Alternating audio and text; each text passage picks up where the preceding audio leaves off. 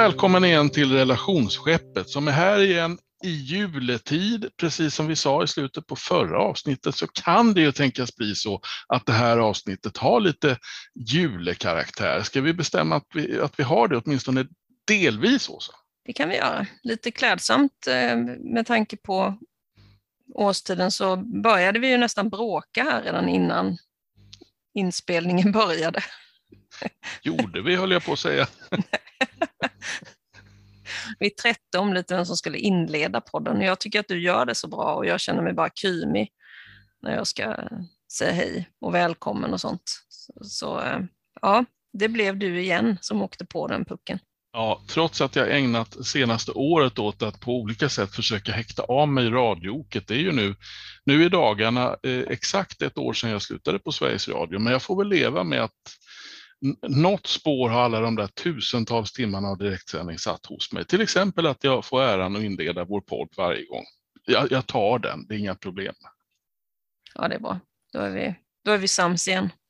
När vi gör det här avsnittet så är det några dagar kvar fortfarande till julafton. Du som lyssnar kanske sitter mitt i julefriden. Vi hoppas verkligen att, att det är julefrid i alla fall. Därför att jag skulle vilja säga, utan att måla någonting på väggen här, att det är fara och färde för många som i sluttampen, sista månaden, sista veckorna, sista dagarna, sista timmarna före julen gasar på i högsta fart och det är inte bara det här med alla julklappar som ska köpas och allt som ska bakas och förberedas utan det är också att man ska hinna slutföra allting på jobbet om man nu har ett sånt. Så att här skulle jag vilja måla upp ett eh, riskscenario som handlar om att eh, julefriden inleds med en riktig krasch när du ska, som det heter nu för tiden, landa. Ja, lärarna hade ju satt sina betyg här nu och eh, en som jag pratade med hade suttit 19 minuter innan midnatt och eh, klickat in de sista betygen. Eh, så det var ju en deadline. Och varje år så lovar man sig själv att man ska göra bättre och att man ska inte stressa och man ska vara ute i god tid och man ska, ja, allt det där man ska. Och så blir det ändå i stort sett likadant varje år, att man man rafsar till sig julklapparna eller man tar något som var dyrare än det man hade tänkt från början och sådär. Bara för att man ska hitta något. Och för den som panik. inte har fullständig koll på vad du gör, så alltså du jobbar inom skolans värld men du är inte lärare. Nej precis, jag jobbar med elevhälsa. Mm. Men vad händer då om man stressar på, stressar hjärnet verkligen in i julhelgen? Ja, risken finns ju då, den här kraschen som jag pratade om nyss. Det skulle ju kunna bli så att när julfriden väl ska infinna sig så är du så trött så att du blir irriterad, kanske förbannad eller åtminstone gnällig, lite sur, drar dig undan. Och i kollision med alla förväntningar som finns på att nu ska vi ha mysigt tillsammans, så det, alla hör ju att det, risken är att det blir inte riktigt bra. Och vad värre är, när du vaknar på julaftons morgon så kanske den kommer där lika oönskat som ett eh, brev från före detta svärmor ungefär. Eh, nämligen eh, ledighetsförkylningen, semesterförkylningen. Kroppen kan plötsligt slappna av och ha glömt hur man gör och så reagerar den med förkylning istället. Jag tänker på den här klassiska bilden av folk som sitter och sover framför kalanka också. Nej, lite halvt nedkasade i soffan med eh, ett glas av något slag framför sig. Och så sitter eh, alla de vuxna där och snarkar för de är mätta och helt slutkörda. Och eh, får då en timmes paus medan ungarna kollar på kalanka. Det är en sån här klassisk barndomsbild i alla fall Eh, för mig. Men visst, ja, jag tillhör de som brukar åka på något eh, i sjukdomsväg under ledigheten så att eh, proppen går väl ur känslomässigt. Det är väl som att få en sån där lång massage som man också kan bli jättesjuk av det är väl inte så kanske att man lyssnar på den här podden och man tycker att de här ämnena är mumbo jumbo. Men för den som inte riktigt förstår sambandet, vad kan en förkylning ha med ledigheten att göra? Men, alltså kroppen och själen, vi har ju varit inne på det så många gånger, det hänger ihop, det är samma system, det är liksom en och samma kropp. Titta på din kropp så ser du att allting hänger ihop, till din stora förvåning möjligen. Och har du då stressat på och gasat på under lång tid eh, så att kroppen är liksom på högvarv och sen så Ska den plötsligt bromsa in, gå ner i varv och allting sånt, då, kan, då släpper kroppen fram, kanske, inte alltid såklart, men kanske det där som ligger latent någonstans. Kanske i värsta fall då ett virus, en basilusk, en förkylning. Covid ska vi inte prata om, men vi kanske ska strunta i covid i det här fallet. Ja, vi struntar i den den här gången. Nej, men visst är det så att vi eh, var och en till mans lite ibland säger jag har inte tid att vara sjuk. Nu har ju pandemin då med, dragit med sig att vi har faktiskt inte kunnat säga det, utan vi har varit tvungna att vara hemma när vi har varit lite halvkrassliga. Men det är väl ganska vanligt att man förtränger och trycker undan och ja, mentalt håller tillbaka sjukdom som eh, borde bubbla upp. Jag tror att det var, undrar om det var John Lennon, möjligen Woody Allen eller någon annan kulturfarbror i den åldern som, som sa I don't get angry, I grow a tumor instead. Alltså, jag blir aldrig arg utan jag odlar min tumör istället. Tumören då i, i eh, metaforiskt perspektiv gissar jag, så att det blir som ilskan blir som en tumör eller tröttheten eller vad? Hur ska man översätta det så att det blir begripligt för en som inte kan utrikiska? Det vet ju alla att jag har väldigt svårt för. Nej, men här tror jag faktiskt att man menar det rent, eh, rent fysiologiskt, även om jag är tveksam till att det funkar så i kroppen. Men, eh, men just att folk som aldrig blir arga, de, de dör av någonting sen istället för att de inte släppte ut det där mm. som de tryckte ner. Man, man kan få till och med riktigt allvarliga sjukdomar av att man trycker undan eller stänger av känslor eller stressar för mycket, så absolut. Ja, men det du beskriver som en, en semesterförkylning, det är nog väldigt, väldigt vanligt. Eller att man helt enkelt eh, går i däck och eh, mentalt inte orkar med allt det där man kanske hade tänkt sig. Eh, jag vet att jag för någon månad sedan här styrde upp med dottern att vi skulle måla om köket på jullovet. Och nu när jag sitter här och tittar ut i köket så känner jag att bara att alltså jag är jätteglad om jag orkar gå ut och sätta på en kopp kaffe någon gång under julhelgen. Annars kommer jag nog ligga mycket här på soffan. Ja, det, alltså det låter ju mysigt och det unnar jag dig och alla andra så att det är inte det. Men samtidigt är det ju lite synd om människan att vi har hamnat där. Att livet och inte minst arbetslivet tär så mycket på oss att när vi verkligen får chansen att göra det där som vi alla ser fram emot, nämligen vara lite lediga, då, då orkar vi inte ens, vi orkar ingenting i värsta fall.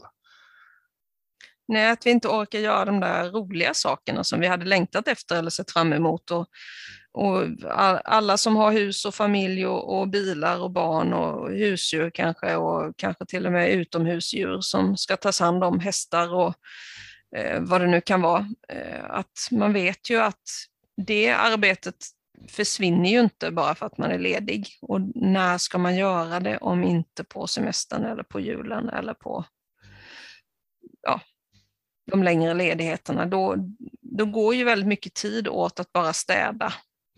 Eller plocka ur garderober eller plocka undan barnens urväxta kläder, städa bilen och mm.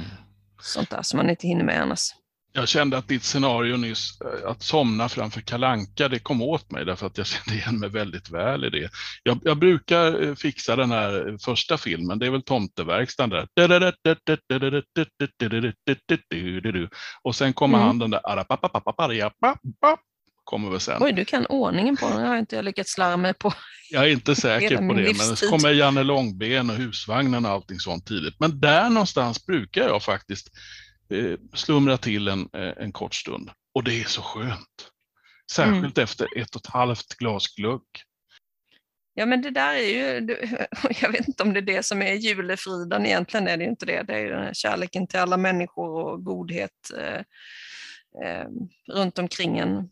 Men för många i moderna samhället så är nog julefriden just det där, det är ingen väckarklocka som ringer, det är ingen chef som pockar på uppmärksamheten. Det plingar inte i mejlkorgen i bästa fall och det är jobbtelefonen ligger kvar på jobbet och kan ringa bäst den vill eller vara urladdad. Det spelar ingen roll. Jag tror att det är, eh, är julefrid för många. Om jobbtelefonen ligger kvar på jobbet, då är jag den första att applådera därför att det är riktigt bra jobbat. Jag tror i värsta fall att det är så att den ligger på bordet framför kalanka.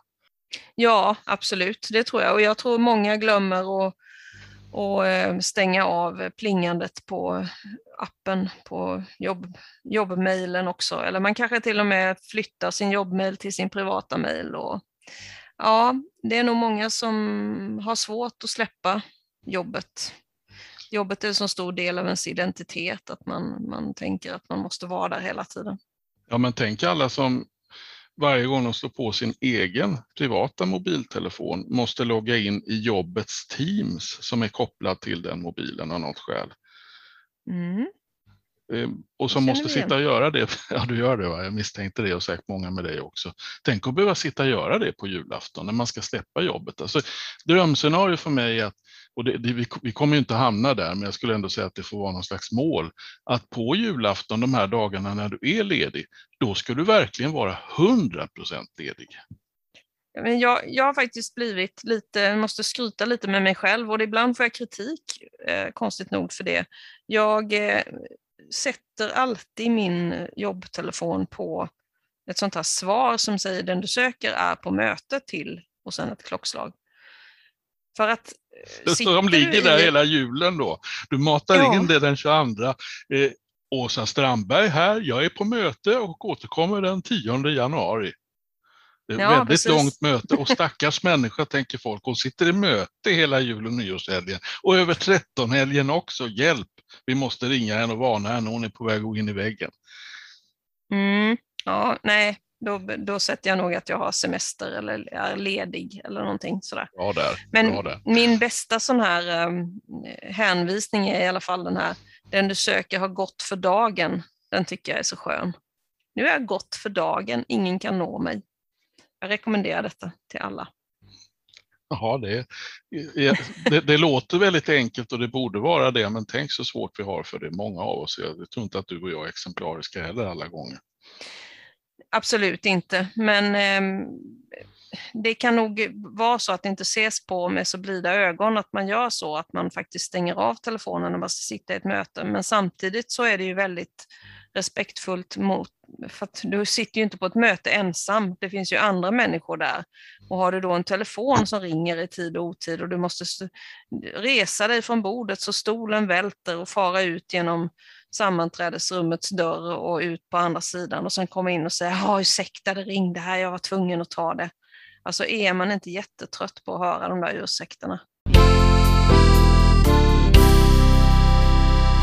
Men om vi ska bli konstruktiva nu och på något sätt försöka förebygga det här om det går så är det ju lite olika aktörer i det här scenariot. Det är naturligtvis du själv och det som händer med dig själv när du ska gå ner i varv och vara ledig.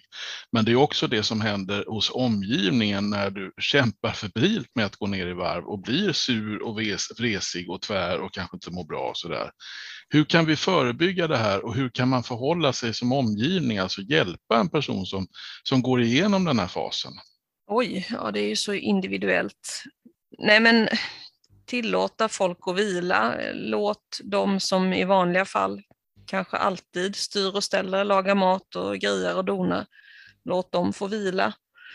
Eh, barn kan faktiskt hjälpa till vid jul.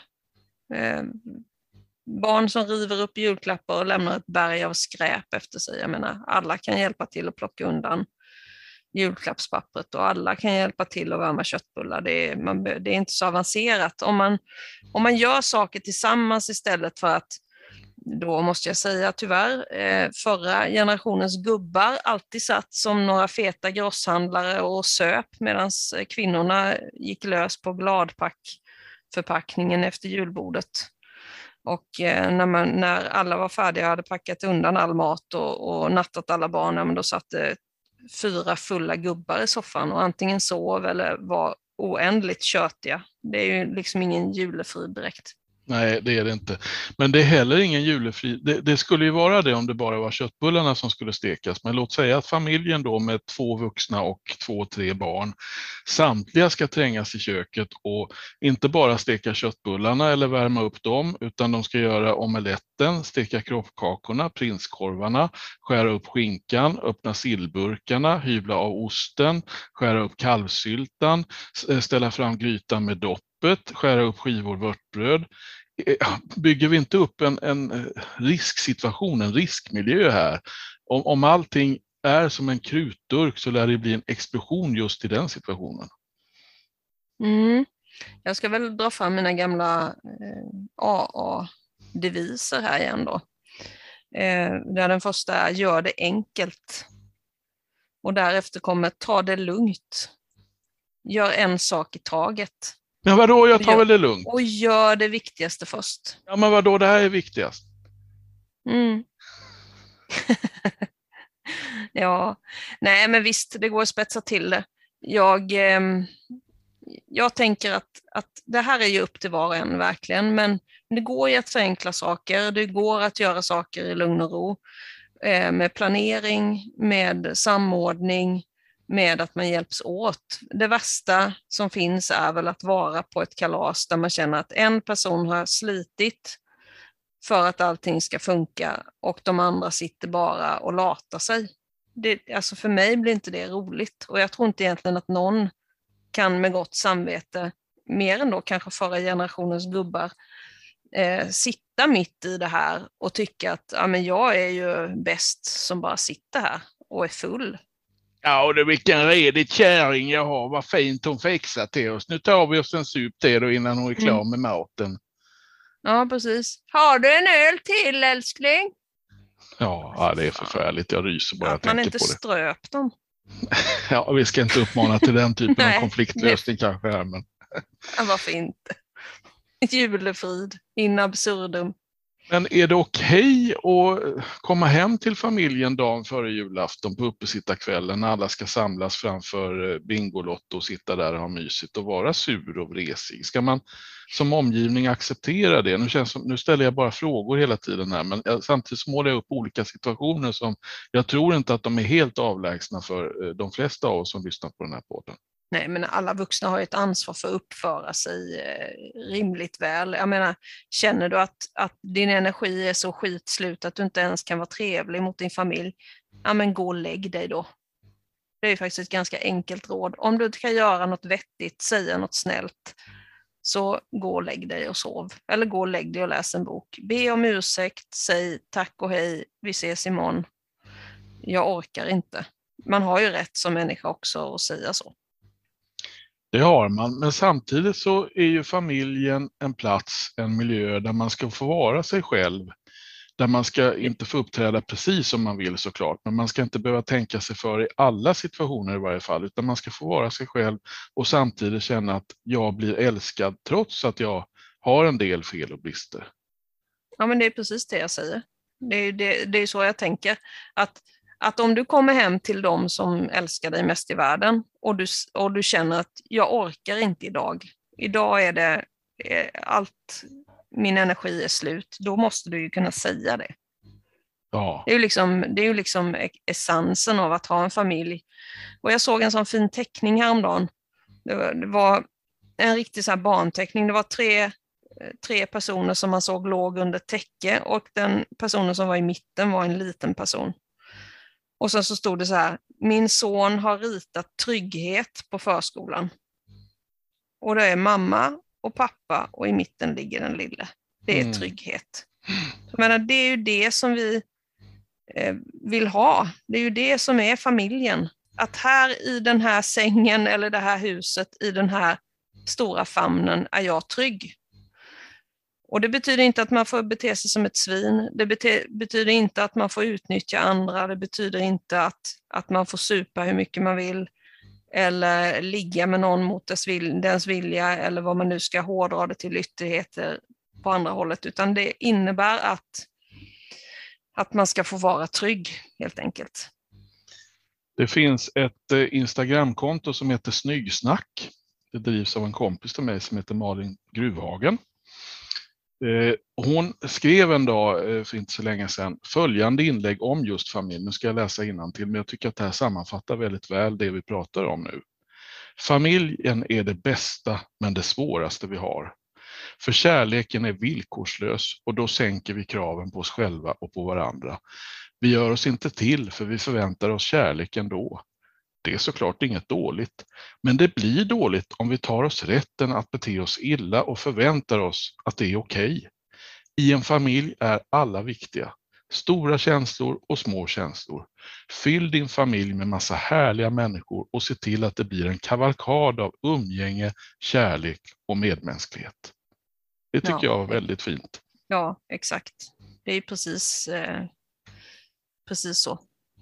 Samtidigt som du måste få vara dig själv i familjen. Du ska känna dig trygg och älskad även om du inte är en person som bara består av goda sidor.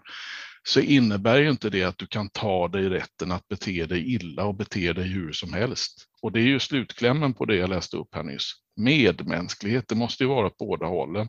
Inte bara att omgivningen accepterar dig som du är, utan att du också accepterar omgivningen som de är. Du kan inte komma hem, sätta dig i soffan och kräkas upp allting i knät på din familj och räkna med att jag måste få vara mig själv här. Du behöver ju bidra på något sätt också. Är du då så förjordat trött, så som du själv är inne på, så här, gå och lägg dig en stund. Eller varför inte? Omgivningen säger till dig, om du är så trött är det väl lika bra att du går och lägger dig en stund så kan du komma tillbaka igen om en stund kanske när du känner dig lite piggare. Ja, och det kan ju gälla både barn och vuxna. Många barn är ju jätte, jätte, jättetrötta den här tiden på året, precis innan lovet och de vet luften har gått ur, de bety som sagt betygen är satta. Eh, lussetåget som man var skitnervös för är avklarat och allt det där.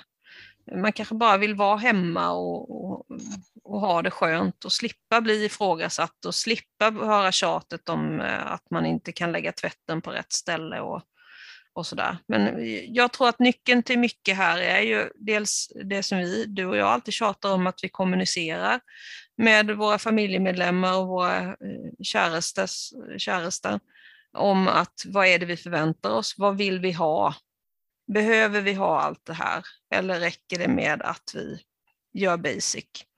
Sånt, sånt eh, måste vi kunna prata om, även med barnen. Jag tror att, eller jag vet skulle jag nästan kunna säga i det här fallet, att kommunikationen är grunden för allt, precis som du är inne på, att man har en kultur hemma i familjen, hur den nu ser ut, där det är okej okay att prata med varandra, det är okej okay att beskriva vad man känner och tänker och våga vara öppen med sina tillkortakommanden, sina upplevda eh, orosmoln, vad det nu kan vara och så vidare. Finns det en kultur där det är okej okay att uttrycka detta och där man också vet att när jag tar upp det här så lyssnar min omgivning på mig då behöver det inte bli så dramatiskt. Alltså jag tror att du nästan har, inte eliminerat, men reducerat många av de här potentiella konfliktsituationerna som vi är inne på nu. Ja, och nästa punkt på, på familjefokuset liksom, här är ju samarbete. Det finns ju ingen anledning att en person ska stå med allting och släpa alla matkassar och slå in alla paket och så. Alla kan vara med och Eh, det är ju min erfarenhet i familjelivet i alla fall att ju mer man hjälps åt desto roligare blir det. Sen, sen är det ju de facto så att du som pappa till exempel nästan alltid blir kvar med, med den där stora klumpen pepparkaksdeg som aldrig tycks ta slut eller disken efter knäcktillverkningen för att alla andra har gått och kollat på julkalendern. Men jag menar, ja, då är det väl så, det är inte många gånger om året man drabbas av det. Nej. Men att göra saker tillsammans är ju fantastiskt roligt. Det är det, men man kanske heller inte alltid ska kräva det. Jag tror att man får titta lite på varandra och läsa av varandra lite grann. Alltså om vi nu tar konstellationen mamma och pappa så kanske det är så att just vid det här tillfället när vi haft värsta pepparkaksbaket i köket och det ser ut som ett bombnedslag verkligen av all deg och mjöl och allting som ligger hit och dit, formar och vad det nu kan vara. Då, då måste inte vi av någon slags rättviseskäl ta itu med den med den städningen, den saneringen håller jag på att säga, tillsammans. Utan om det nu är så att vi är trötta båda två, men just nu så verkar det som att du är tröttare än vad jag är. Det är helt okej okay om du går och sätter dig vid tvn en stund och kopplar av eller kollar på mobilen eller vad du nu vill göra. Så tar jag hand om det, om det här, den här gången. Men sen får det inte mm. bli så att det alltid är så att det är en och samma person som ska stå med Eh, med allt det, det kvarglömda, så att säga, resterna och spillrorna och stöket. Nej, det är det jag lite var inne på också förut här med gladpackpaketen innan alla de här matresterna ska tas om hand. Jag menar, det, det måste, sånt där måste man hjälpas åt med, för till syvende och sist så det allt alla vill, det är ju att få sätta sig i soffan och vara tillsammans. Och då är det ju inte schysst om en och samma person år efter år står med den där Eh, Eh, plastfolien och, och, och kletar och häller över köttbullar i plastburkar. Och, så det, det är inte, så tycker inte jag att det ska vara. Men sen så är det väl, om man tänker relationen barn-vuxen, så kostar det ju på att ha julbak ihop med ett gäng barn. För att man vet ju att man som vuxen sen kommer att bli kvar med disken och då får man liksom, ja, då får det vara det onda med det goda. Ja, precis. Det, det är jättemysigt att göra saker tillsammans med barnen också, men har man precis haft julklappsutdelning och tallrikarna står kvar eh, på bordet efter maten, alltså jag tror inte, då, i det läget ska man nog inte begära att barnen ska vara med och diska. Det, då har man nog lite taskig timing i sitt förhållande till barnen tror jag, för att då vill ju barnen vara med sina leksaker eller vad man nu har fått. Så då får man nog stå sitt kast att man inte plockade av bordet innan man öppnade julklapparna. Ja, precis. Och det är väl ändå viktigast att få sådana saker att fungera i vardagen.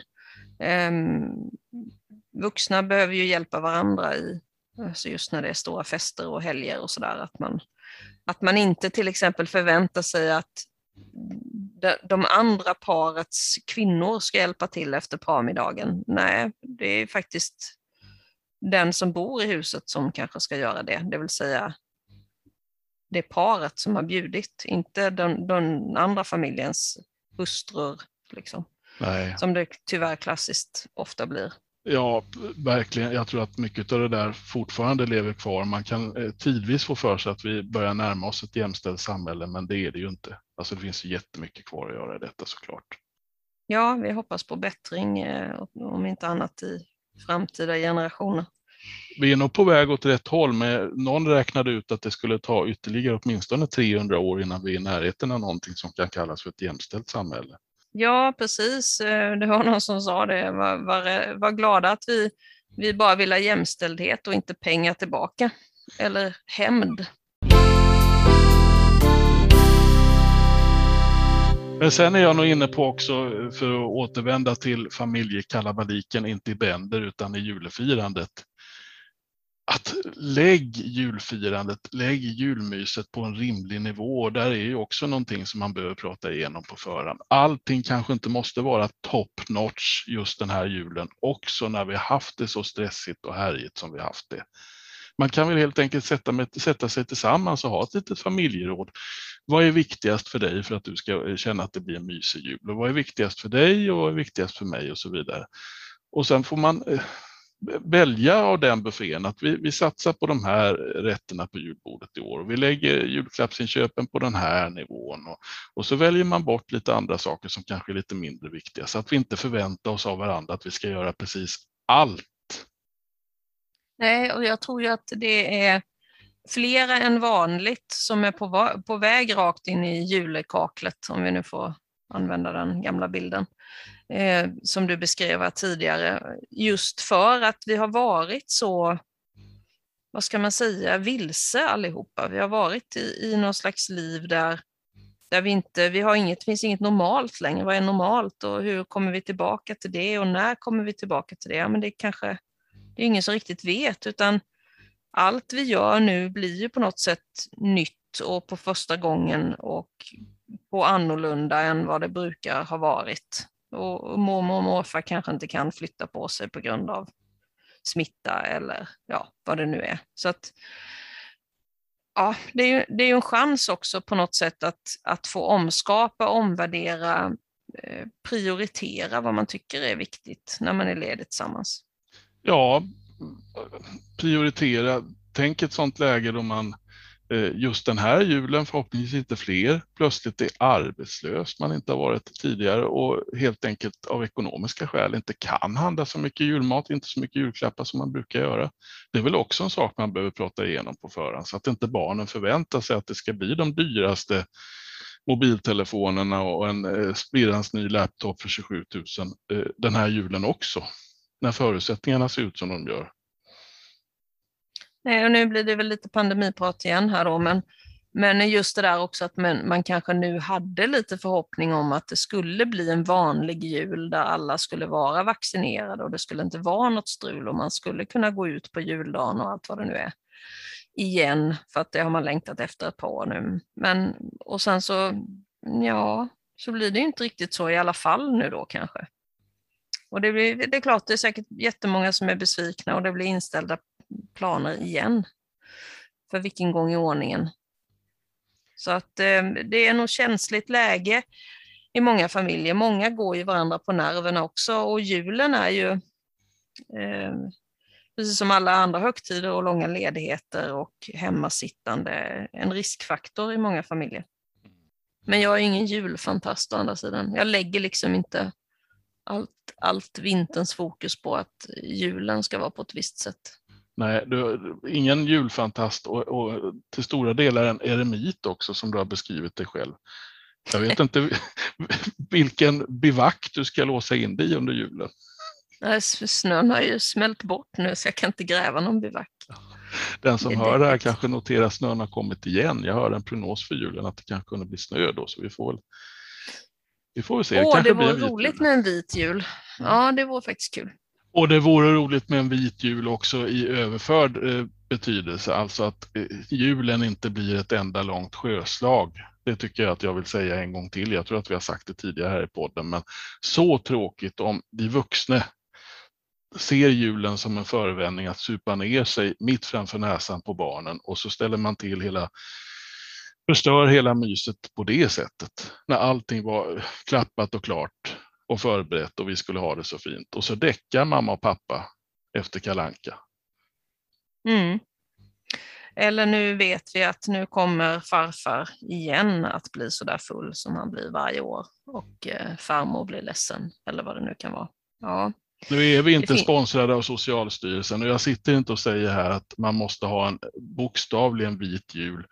Man kan få ta sig en öl eller ett glas glögg eller en snaps vad man nu vill, men låt det inte spåra ur därför att julen ska i första hand tycker jag vara barnens högtid. Man, man får inte glömma det.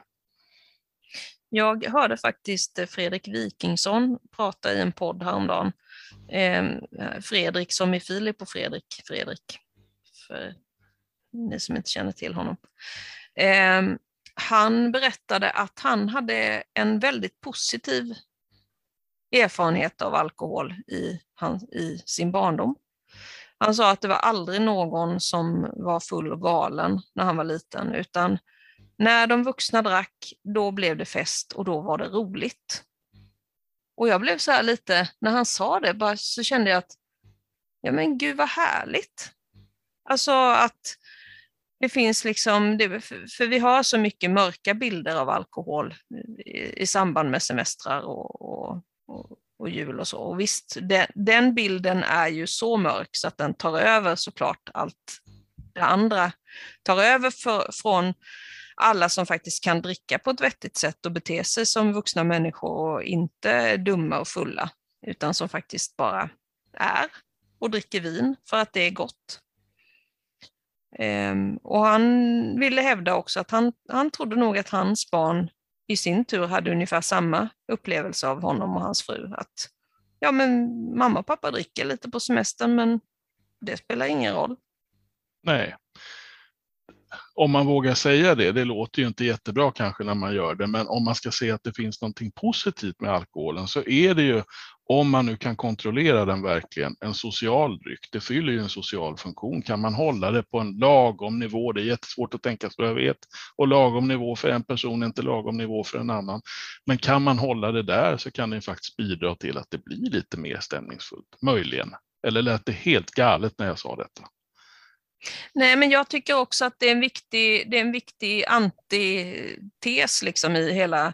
Eh, jag har ju, nämner ju ofta AA och jag har ju liksom missbruk i min familj och även tillfrisknande eh, så. så att, eh, jag har ju sett det på nära håll och jag vet ju också att det är viktigt för barn att se att vuxna kan dricka på ett normalt sätt. Att alkohol finns i samhället, Eh, vissa dricker inte av förklarliga skäl, andra dricker, men de kan faktiskt uppföra sig. De är inte uppe på bordet och strippar när de dricker eller, eller börjar slåss eller någonting, utan man tar sig ett glas och, och kanske blir trött och kanske blir glad. Och, eh, men det liksom, det, den bilden är viktig som motbild också tycker jag. Till, eh, för det är ju lätt också att det här som är förbjudet och farligt och dumt och som man inte ska hålla på med, att det istället blir en lockelse. Så kan man se en avdramatiserad bild av alkohol eh, som barn så tror jag att det, det finns en, en stor chans att man kan dricka normalt själv också. Verkligen och det är det som är så tråkigt när man pratar om till exempel alkoholen. Det blir så polariserat, det är så svart eller vitt allting och hela diskussionen kantrar. Det du nyss sa skulle varken du eller jag kunna stå i till exempel tvs agenda och säga därför att då skulle vi bli fullständigt nedsablade i kvällstidningen. De uppmuntrar folk att supa, så skulle rubrikerna lyda då. Men om man ser lite mer nyanserat på det och plockar ner det vi säger i någon slags rimlig verklighet för, för alla som lyssnar på oss just nu så är det precis så det ser ut i de flesta fall. Ja, visst, det går ju alltid att, att, att se sånt här som, som fan läser Bibeln, så att säga. Ja. Ehm, det är ju inte liksom någon reklamkampanj för alkohol. För mig får folk gärna låta bli att dricka. Det finns tillräckligt många som beter sig illa för att det egentligen borde vara förbjudet med alkohol. Ehm, och det finns många som av religiösa skäl inte, eller andra andra skäl också inte dricker alkohol. Så att, eh, det är ingen uppmaning till drickande. Men eh, jag tror och hoppas att de av oss som ändå kan uppföra oss bra med någonting innanför västen, att, att vi faktiskt också kan vara lite stolta över det. Ja, och jag är faktiskt glad att vi kan säga detta, för som du själv var inne på nyss, du, du har haft eller möjligen har ett missbruk i familjen och jag har vuxit upp själv i en, inte i en familj, men en släkt där det har konsumerats alldeles för mycket alkohol. Jag vet att det fanns julaftnar före världen då jag faktiskt var rädd för en del personer som blev eh, alldeles för på pickalurven. Inte bara på julafton utan många andra dagar också för övrigt. Men mot mig som barn så slog det mycket hårdare när det var jul för att jag kände att det blev en sån en atombomb i idyllen på något sätt att den här människan eller de här människorna förstör verkligen.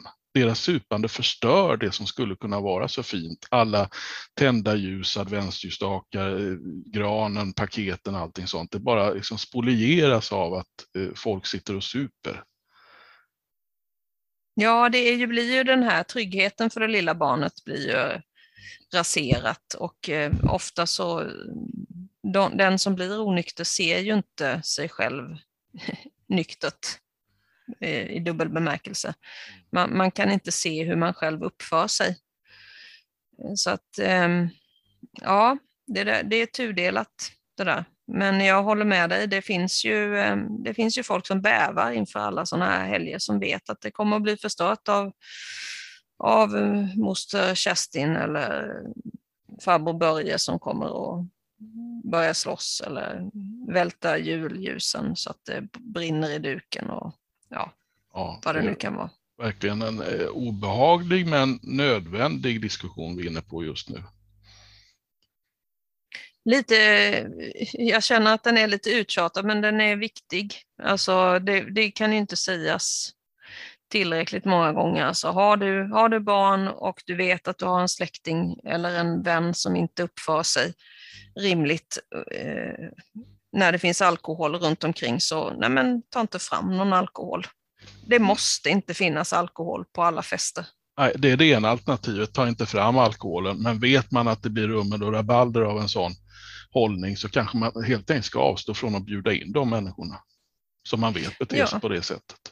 Ja, det är just, vi har ju nämnt det förut i, i den här podden, det är inte att vara släkt med någon är ju ingen tvångshistoria. Det finns ju inget, inget liksom som tvingar dig att bjuda in någon som beter sig som en röv varje gång.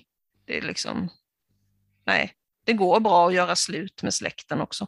Ja, Även sina det. föräldrar och syskon om umgänget bara bygger på det biologiska faktum att man är släkt så tycker jag att man, då måste man kunna börja ifrågasätta, måste vi verkligen umgås i tid och otid när vi inte har någonting annat gemensamt utom släktskapet och möjligen alkoholkonsumtionen? Ja, eller att vi alltid blir osams eller, eller eh, den där släktingen som alltid ska tafsa eller som alltid ska skrika och gapa om politik och göra sig ovän med alla eller ja, bete sig illa på något annat sätt. Det, nej, man måste inte. Men du, ska vi runda av det här med, jag skulle vilja ställa frågan till dig, eremiten Åsa Strandberg som kanske inte är så eremitisk när det väl kommer till kritan. Eh, hur ska du fira jul? Det blir väldigt eh, lugnt och stillsamt. Det blir ganska mycket mat, inte så mycket julklappar. Eh, granen är redan framme. Jag har köpt en julklapp till katten. Eh, ja, det blir ganska mysigt och lugnt och stillsamt. Det blir närmaste familjen och, och alla våra barn. Jag har ju några pojkvänsbarn också. Och, eh, och så. Så att, eh, ja. Det blir det rätt blir många låter det som ändå. Ja, fast det blir lite uppdelat eh, eftersom alla ju har familjer på olika håll och olika mammor och pappor som ska få träffa sina respektive barn. Så, så blir det lite uppdelat. Studsar ni runt då eller kommer alla till, till dig och Mr M? Eh, nej, de kommer till oss faktiskt alla. Ja, Fast vi har ju två olika hem så att det blir ju två ställen. Mm, mm. Mm. Och du då? Vad ska du göra? Ja, det, som mitt liv ser ut så har jag min son varannan julafton och i år så är han hos mig. Eh, och det innebär att vi traditionsenligt ska fira hos mina föräldrar tillsammans med dem och min bror med hans familj på julafton. Det kommer nog vara rätt så många julklappar, det brukar bli det ändå, men det brukar vara väldigt god mat och, och trevligt på alla sätt och vis. Sen är jag så privilegierad så att jag får ju nästan en julafton till därför att dagen efter julafton, alltså på juldagen, då ska jag åka till min eh, nya familj, alltså min eh, flickvän och hennes föräldrar och eh, fira tillsammans med dem. Och sen kanske det blir till och med en tredje julafton sen när ytterligare några ska in i umgänget, men det får vi se lite grann. Det, det beror på en massa olika saker. Så det blir, jag ser fram, alltså julen är, det är ändå den härligaste högtiden på året och jag brukar inte ha några problem att hitta, hitta julefriden. Nej, jag älskar att vara ledig så jag är nöjd med bara det. Tycker jag är, är det bästa. Jag är jag inte som sagt någon julfantast. Ja, jag, det är jag och jag, jag, älskar ledigheten men jag älskar också det jag har att se fram emot därför att jag har många roliga saker som vi kan komma in på i kommande poddavsnitt framför mig, både på, i nyårshelgen och en bit in på det nya året. Men vi gör väl en nyårsspecial kanske? Ja, precis. Det tycker jag vi ska göra. Och det gör vi från relationsskeppet som vill passa på att önska alla som lyssnar på oss en riktigt, riktigt god jul. Vi, vi säger bara det än så länge återkommer när det gäller nyårsfirandet. Och har vi någonting annat vi känner att vi vill skicka med? Ja, jag tänkte jag skulle läsa en liten, några rader här. Citera Christian Gidlund som många känner till som en ung människa som, som dog i en tråkig sjukdom. Han var musiker bland annat. Och han sa så här. Jobba inte för mycket. Låt inte känslorna stanna i bröstet. Prata. Bråka aldrig om pengar. Våga säga nej. Våga säga ja. Paradiset kan vara en plats på jorden. Äventyret väntar om ni bara vill.